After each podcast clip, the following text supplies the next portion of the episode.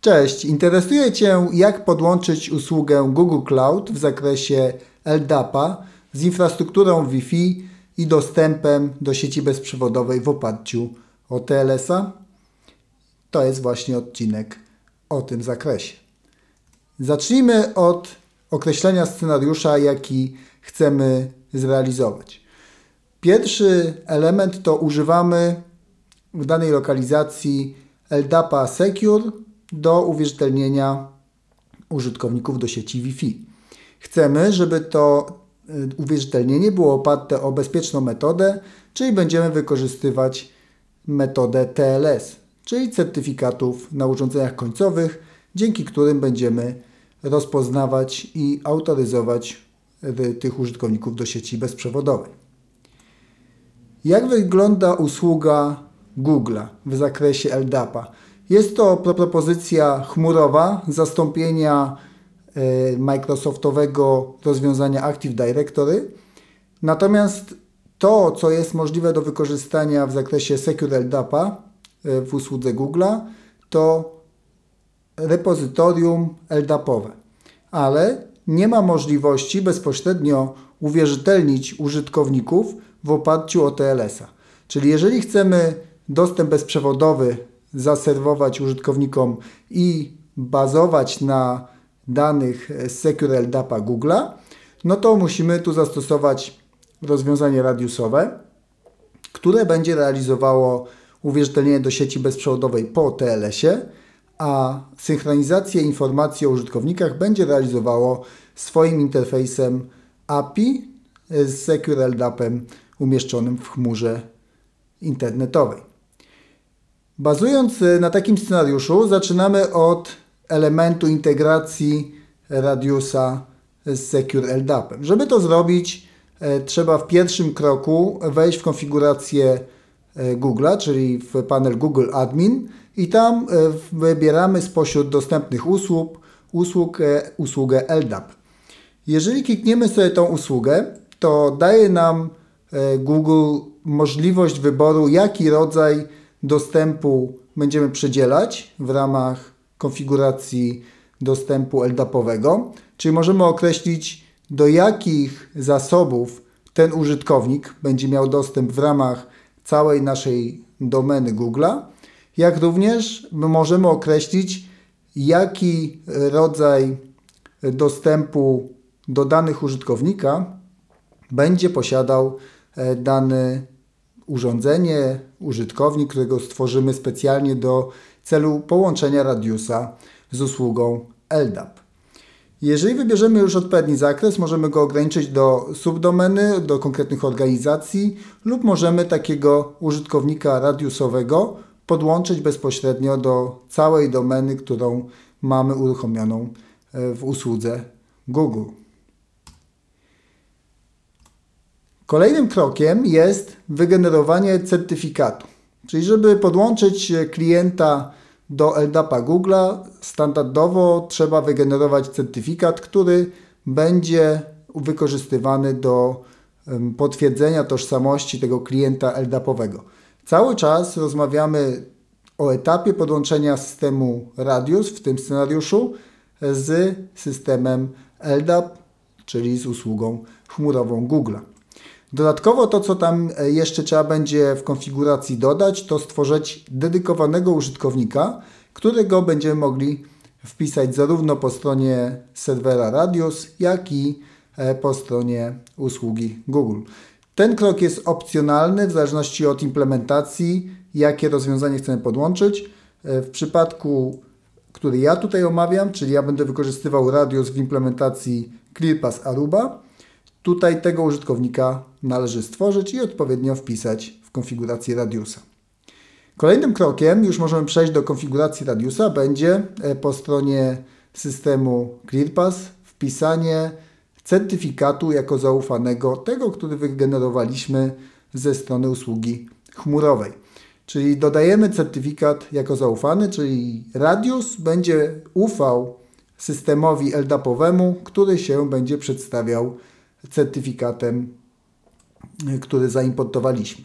Kolejnym krokiem jest wpisanie konfiguracji IDP, czyli Identity Provider. E, tam wpisujemy szczegółowy URL, który jest związany z API udostępnianym przez usługę Google.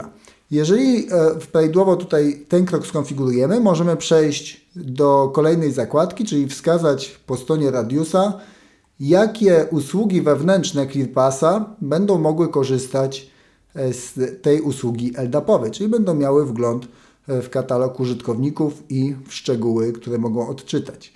To, co my w scenariuszu przedstawionym tutaj przeze mnie będziemy realizować, to jest dostęp Wi-Fi w oparciu o certyfikaty.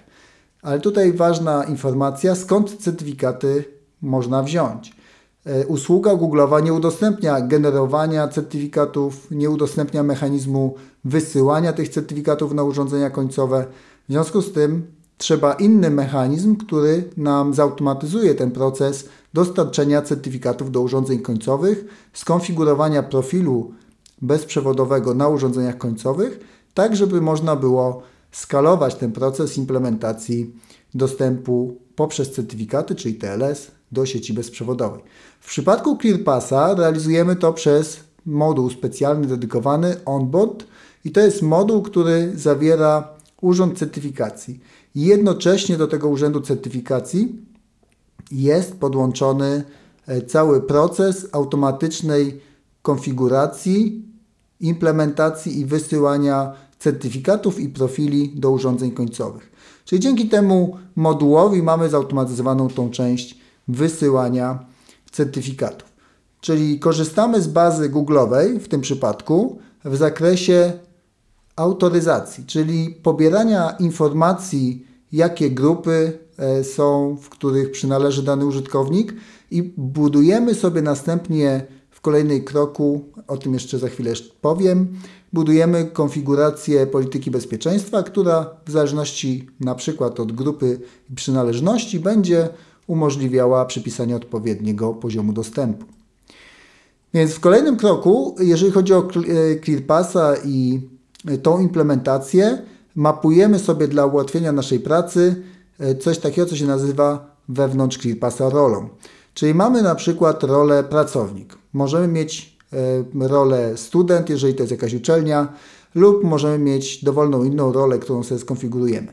I teraz wiążemy sobie rolę z parametrem, który otrzymujemy ze strony LDAP-a Google'owego. Czyli tam mamy różne atrybuty, które otrzymujemy poprzez to API, które wcześniej skonfigurowaliśmy i wiążemy. Jeżeli na przykład departament E, w tym naszym LDAP-ie Google'owym jest na przykład student, to dostaje dany typ użytkownika rolę student. Ta rola jest wewnątrz ClearPassa. Jeżeli to jest pracownik dydaktyczny, jeżeli tu mówimy o przykładzie uczelni, no to on jest w innym departamencie i ustawiamy mu rolę pracownik. I tak dalej możemy sobie ustawiać dowolną już ról w zależności od naszej sytuacji i scenariusza, który realizujemy. Kolejnym krokiem w konfiguracji e, tej polityki bezpieczeństwa już wysyłanej na kontroler bezprzewodowy to jest e, tak zwany enforcement, czyli parametry, atrybuty radiusowe, które wysyłamy bezpośrednio do infrastruktury sieciowej, najczęściej właśnie na kontroler. Jeżeli mamy zamapowane role, które wcześniej wspomniałem, czyli mamy z parametru pozyskanego z LDAP-a Google'owego zamapowany, że departament student to rola student, to tu w tej części enforcementu, czyli tego końcowego etapu wysyłania atrybutów dostępu do sieci, mapujemy sobie rola wewnętrzna ClearPassa student, to wysyłamy mu e, parametry, które zadamy. W przykładzie, który tutaj omawiam, e, możemy wysłać e, na przykład jak długi ma być okres trwania certyfikatu, e, jak dużo urządzeń może dany użytkownik czy typ użytkownika używać. Czyli załóżmy, że dla studenta ograniczylibyśmy ilość urządzeń, które może podłączyć do tej sieci do trzech. I długość sesji, czyli ta długość certyfikatu, który będzie ważny, będzie określona na przykład na 3 miesiące. I w ten sposób możemy sobie dla różnego typu dostępu, czyli inny będzie miał profil student, a inny będzie miał pracownik. Dla pracownika możemy określić, że maksymalnie ilość urządzeń, które może skonfigurować do dostępu do sieci Wi-Fi, to będzie 5. I tu już na przykład nie musimy ograniczać czasu trwania pomiędzy rejestracją urządzenia a dostępem do sieci. Czyli zakładamy, że jeżeli jest pracownik naukowy, to on jednorazowo, jak przywiąże te swoje urządzenia MAX 5 do sieci bezprzewodowej, to one tam będą, dopóki ktoś nie odwoła dostępu, który został skonfigurowany. Tutaj jeszcze jedna rzecz, warto zapewnić e, tą informację w sposób automatyczny, czyli jak można sobie zapisać te urządzenia do e, sieci tej zabezpieczonej Wi-Fi. I tutaj mówimy o najczęściej o takim profilu Captive Portalu. Najczęstszy przypadek jest implementowany w taki sposób, że mamy sieć otwartą, najczęściej jakąś ograniczoną. Może to być również sieć gościnna, albo jest to dedykowana sieć do implementowania tych nowych urządzeń i wyposażenia ich w certyfikaty. Jeżeli zapewnimy sobie taką stronę, czyli Captive Portal, to każde nowe urządzenie podłączone do tej sieci będzie na tą stronę przekierowywało. I na tej stronie chcielibyśmy, żeby użytkownik wpisał e, swoje dane, czyli username and password, czyli użytkownik i hasło.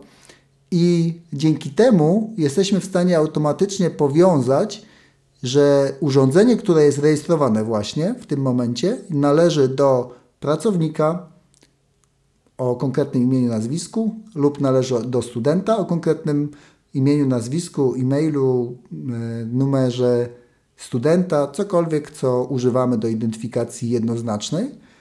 I dzięki temu mamy możliwość zaimplementować w sposób automatyczny, zupełnie niezależny od działania IT, nie wymagający żadnej manualnej ingerencji ze strony administratora, cały ten proces rejestrowania urządzeń, implementowania na nich certyfikatów, a następnie automatycznie łączenia już do sieci e, zaszyfrowanej za pomocą właśnie certyfikatu.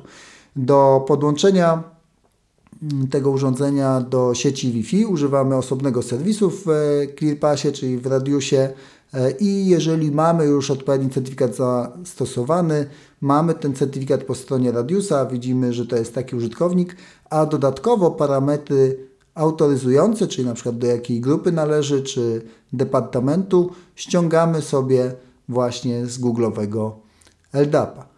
Czyli mając wszystkie te elementy, jesteśmy w stanie zautomatyzować cały proces, przygotować go do działania w dużej skali. Możemy w ten sposób obsłużyć 500, 1000 studentów, olbrzymie kampusy, to jest właśnie scenariusz pod tego typu zastosowania.